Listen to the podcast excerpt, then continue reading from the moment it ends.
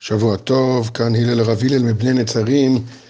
אני רוצה לסיים את המערכה בעניין שהתחלנו על הפער שבין השכל לבין החיים, בין הדעת, בין השאיפות, המגמות, אל כל צדדיהם, לבין המציאות העולמית, כמו שהיטבנו להסביר פעם שעברה, אבל זה לא רק במישור הפרטי, נעשה איזה קפיצה למישור הלאומי, למישור הכללי, שאנחנו בגאולתן של ישראל, שזה ודאי לא בדיוק בספר המוסר, אבל זה דברים שראוי אה, להבין אותם.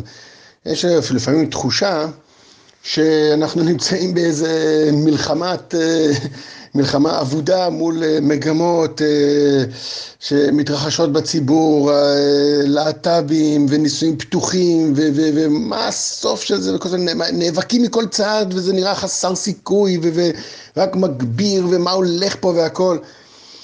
אז צריך לדעת שבניגוד למה שהיינו חושבים, שאולי אה, שתבוא גאולתם של ישראל, אז הכל יבוא בצורה שלמה, מוכנה כבר, ורק נצטרך לבוא, ליישב את הארץ, להתיישב בה, אנחנו יודעים שזה לא כך, ואז כמובן כל הדוסים שולפים את המשפט המפורסם, קימה קימה, זה כאילו המשפט עונה על כל דבר, מה, מה קורה בגאולה, אני מתעכב, קימה קימה, קימה קימה, בסדר, אבל מה זה קימה קימה?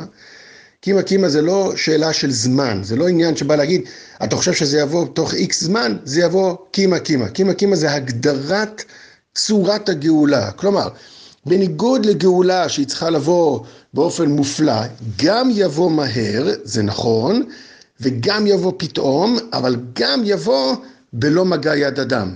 הקימה קימה, המהות ההגדרה שלו זה לא משך הזמן, כמו העניין העקרוני של אופן הגאולה, היא צריכה לבוא על ידינו. מה פירוש על ידינו? תשימו לב, כשם שכשיצאנו לגלות, התהליך של היציאה לגלות, מעשרת השבטים, למה הם גלו? כתוב בגמרא בשבת, שהיו מדביקים מיטותיהם אלו לאלו, שזה דומה להחלפת זוגות, מה שנקרא נישואים פתוחים. אחר כך יש לנו את הגלות של כל עם ישראל בית ראשון, זה בגלל, אה, כתוב בגמרא ביומא, קצר המסע מהשתרע, שזה אסור, כל מיני דברים חס ושלום, משכב זכר וכדומה. אחר כך יש לנו את בית שני, שגלו בגלל מה? שנאת חינם. ועכשיו בסדר הגאולה של ישראל, המכונה קימה קימה, אנחנו צריכים לחזור אחורה ולגמר התיקון.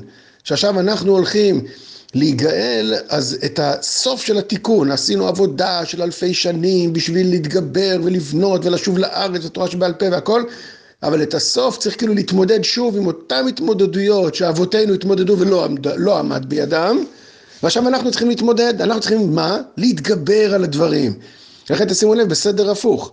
שנאת חינם, לא יודע אם כל כך אה, בהכרח סיימנו, אבל כתוב על החפץ חיים, שלכן הוא כתב את הספר שלו על הלשון הרע, בגלל השנאת חינם שהייתה בבית שני. אחר כך אנחנו, החזרה לארץ ישראל, חטא המרגלים, אחר כך אנחנו מתמודדים עם, עם להט"בים, אחר כך אנחנו, איפה אנחנו מתמודדים עכשיו?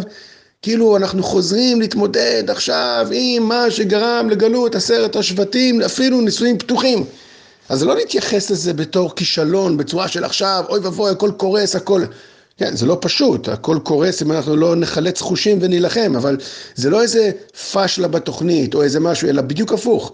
כשם שבחיים הפרטיים, האופן של עבודת השם שלנו, כמו שבעזרת השם יהיה כוח, נמשיך ונלמד את הספר, הוא נעשה על ידי ההתגברות, על ידי הפער הזה שמציף אותנו לרמה חדשה, ועל ידי זה אנחנו נמשכים למעלה ומתגברים ולא מתייאשים מזה שיש פער ולא מתאכזבים, אלא מבינים שזה מנגנון ההתקדמות שלנו.